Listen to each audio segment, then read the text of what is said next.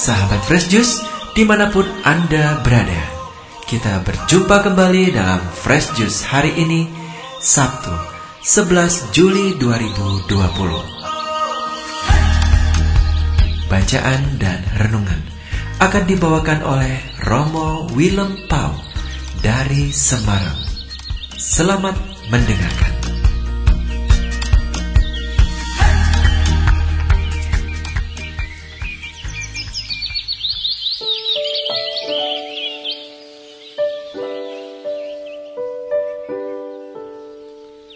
Berkah dalam.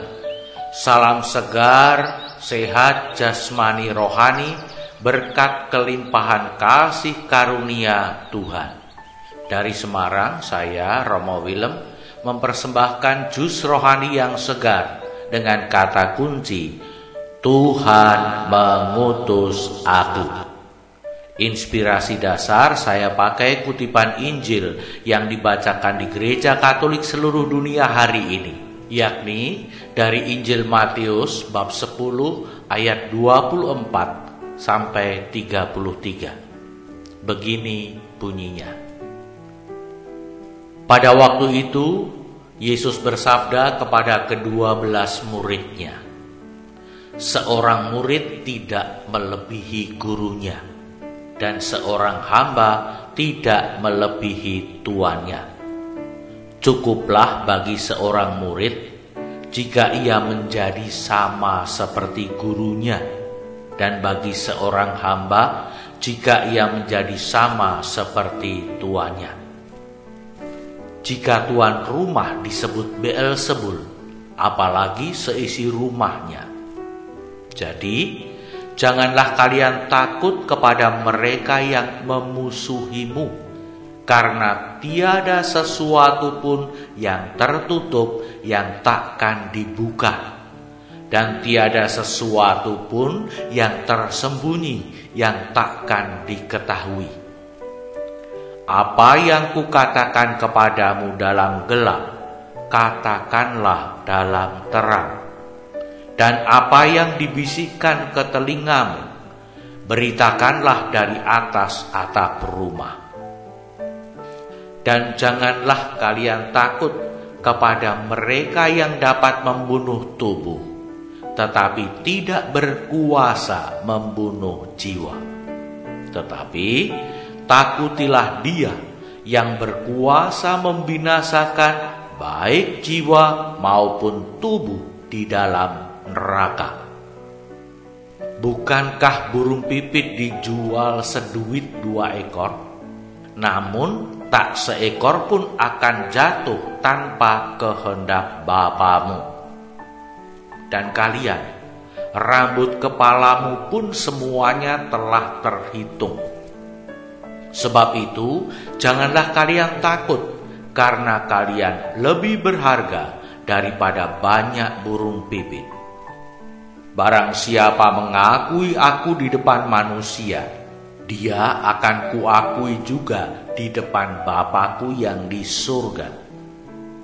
Tetapi barang siapa menyangkal aku di depan manusia, dia akan kusangkal di hadapan Bapakku yang di surga. Demikianlah Injil Tuhan. Terpujilah Kristus.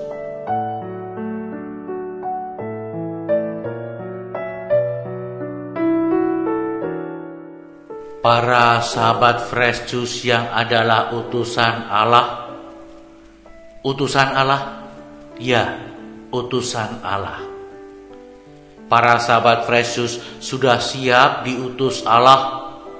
Ah, siap. Terima kasih Tuhan. Mau diutus Allah?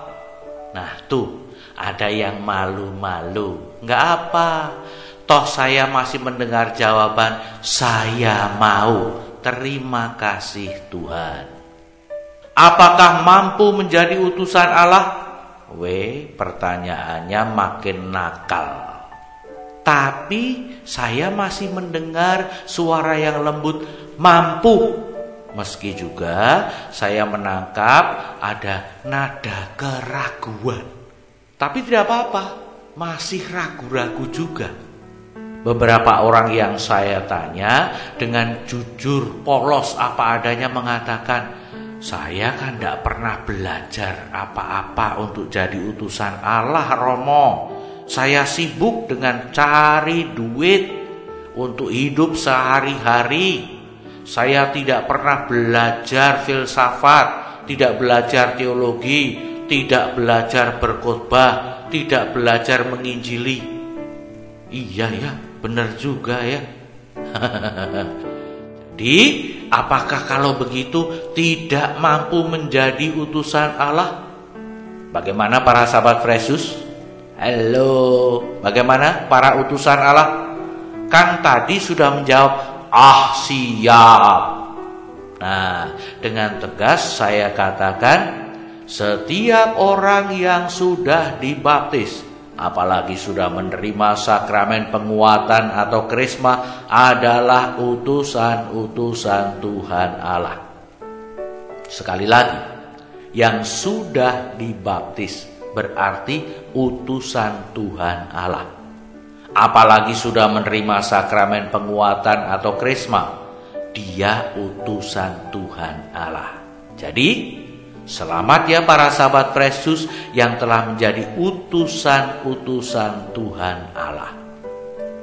Para sahabat Yesus yang adalah utusan Tuhan Allah.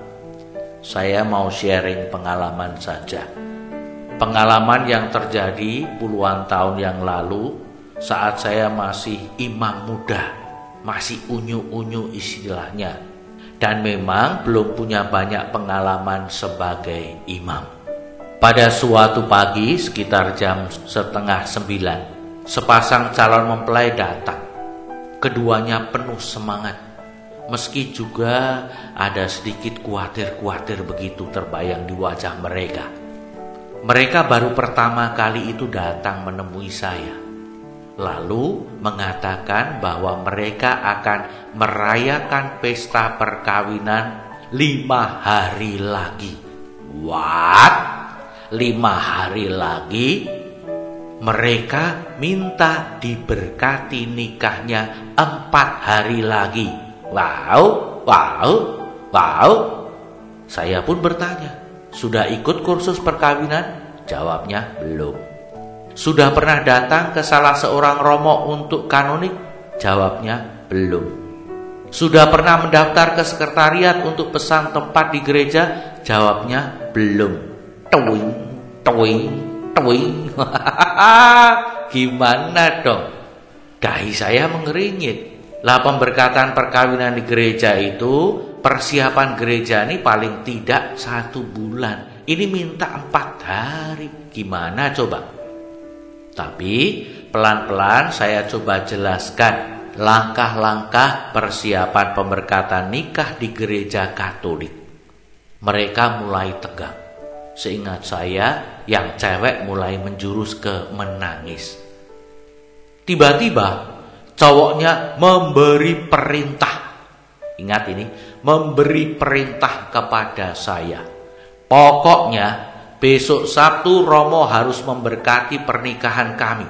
Kami sudah terlanjur pesan gedung, pesan pakaian pengantin, pesan makanan, pesan petugas, semua itu sudah dibayar. Kalau gagal itu semua hilang musnah. Bla bla bla bla bla. Saya mendengarkan semua itu dengan bengong. Bukan main. Mereka sudah mempersiapkan yang duniawi pestanya. Tapi proses gerejawi sama sekali belum disentuh. Nada tinggi dari si cowok sempat membuat tensi saya agak naik. Tapi syukurlah para sahabat Yesus, waktu itu Roh Kudus menerangi saya dan menyadarkan saya. Seolah-olah mengatakan begini, Willem, Willem, ini umatku sedang bingung. Engkau kuutus untuk menolong mereka, bukan untuk memarahi mereka, bukan untuk membingungkan mereka. Wah, iya ya, saya imam sedang jadi utusan untuk menyelamatkan mereka, untuk membantu mereka menemukan solusi atas permasalahan mereka, untuk membuat mereka tetap menyadari kasih setia Tuhan dalam kesulitan yang sedang mereka hadapi. Eh, tapi nanti dulu. Yang beginian ini dulu di bangku kuliah gak diajari nih. Terus mau jawab bagaimana? Sementara tidak tahu menjawab apa, saya diam saja. Mendengarkan kata-kata keras dan makian si cowok. Saya juga hanya diam saja mendengarkan tangisan si cewek.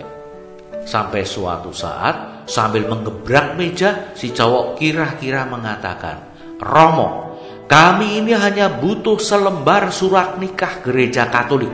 Romo mau minta apa? Romo butuh uang berapa? Kami beri.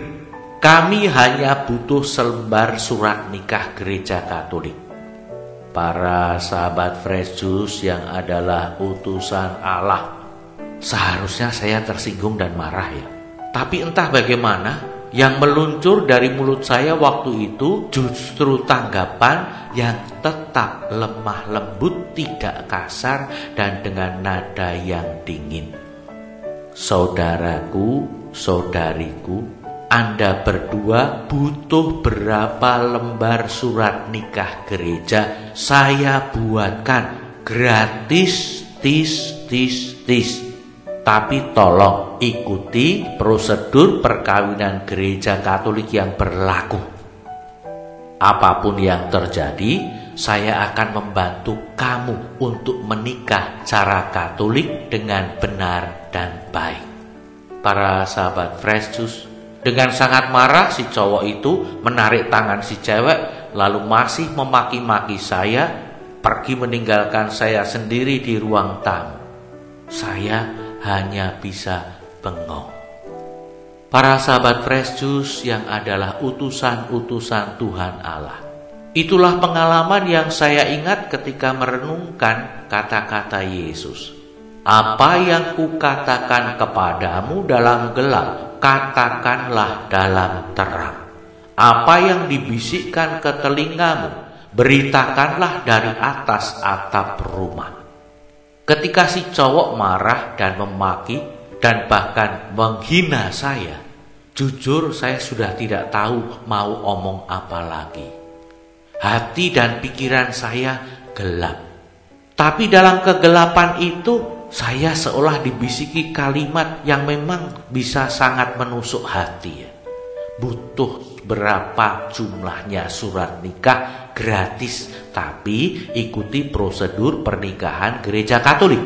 Di saat kritis, saya sampai pada batas kemampuan saya, tidak tahu mau menjawab apa. Tuhan Allah membuka mulut saya untuk menyampaikan kalimat keselamatan bagi mereka. Memang saat itu mereka belum dapat menerima. Tapi syukurlah beberapa waktu kemudian, dua atau tiga minggu kemudian, mereka datang lagi dan mengurus proses pernikahan gereja Katolik sampai akhirnya saya berkati secara sederhana. Hanya dihadiri oleh mempelai, saksi, orang tua, dan beberapa keluarga. Halo, pasangan suami istri yang dulu mengalami ini, maaf, saya sudah lupa siapa nama saudara dan saudari. Semoga sampai sekarang tetap menjadi saksi kasih setia Tuhan yang mempersatukan kalian berdua. Mari bersama saya bersyukur kepada Tuhan atas pengalaman itu. Anda berdua diselamatkan oleh Tuhan lalu akhirnya bisa diberkati secara gereja Katolik, saya juga saat itu diselamatkan oleh Tuhan. Para sahabat Yesus yang adalah utusan Allah yang bahagia. Setiap kali saya ingat peristiwa itu, saya merasa semakin teguh sebagai utusan Allah. Ya, saya adalah utusan Allah yang sungguh berharga di mata Allah lebih berharga dari banyak burung pipit. Mau direndahkan, mau dimaki, mau dihina seperti apa pun, saya yakin Tuhan Allah tetap menghargai saya sebagai utusannya. Bahkan kalaupun sampai dibunuh, yang mati kan hanya jasmaninya saja. Itu pun kelak akan dibangkitkan oleh Yesus. Sedangkan jiwa saya tetap hidup dalam naungan kasih Tuhan.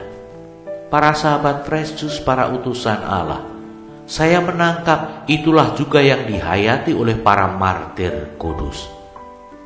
Mari kita menjadi utusan-utusan Tuhan Allah, penuh percaya akan kasih setianya yang menghargai hidup kita. Mari mohon berkat Tuhan.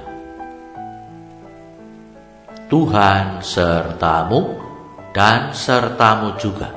Semoga para sahabat Fresh Juice menjadi utusan Tuhan yang penuh sukacita, menghayati diri sebagai yang berharga di mata Tuhan, dan menjalankan tugas perutusannya dalam setiap langkah kehidupan dalam kelimpahan berkat Allah yang Maha Kuasa Bapa dan Putra dan Roh Kudus.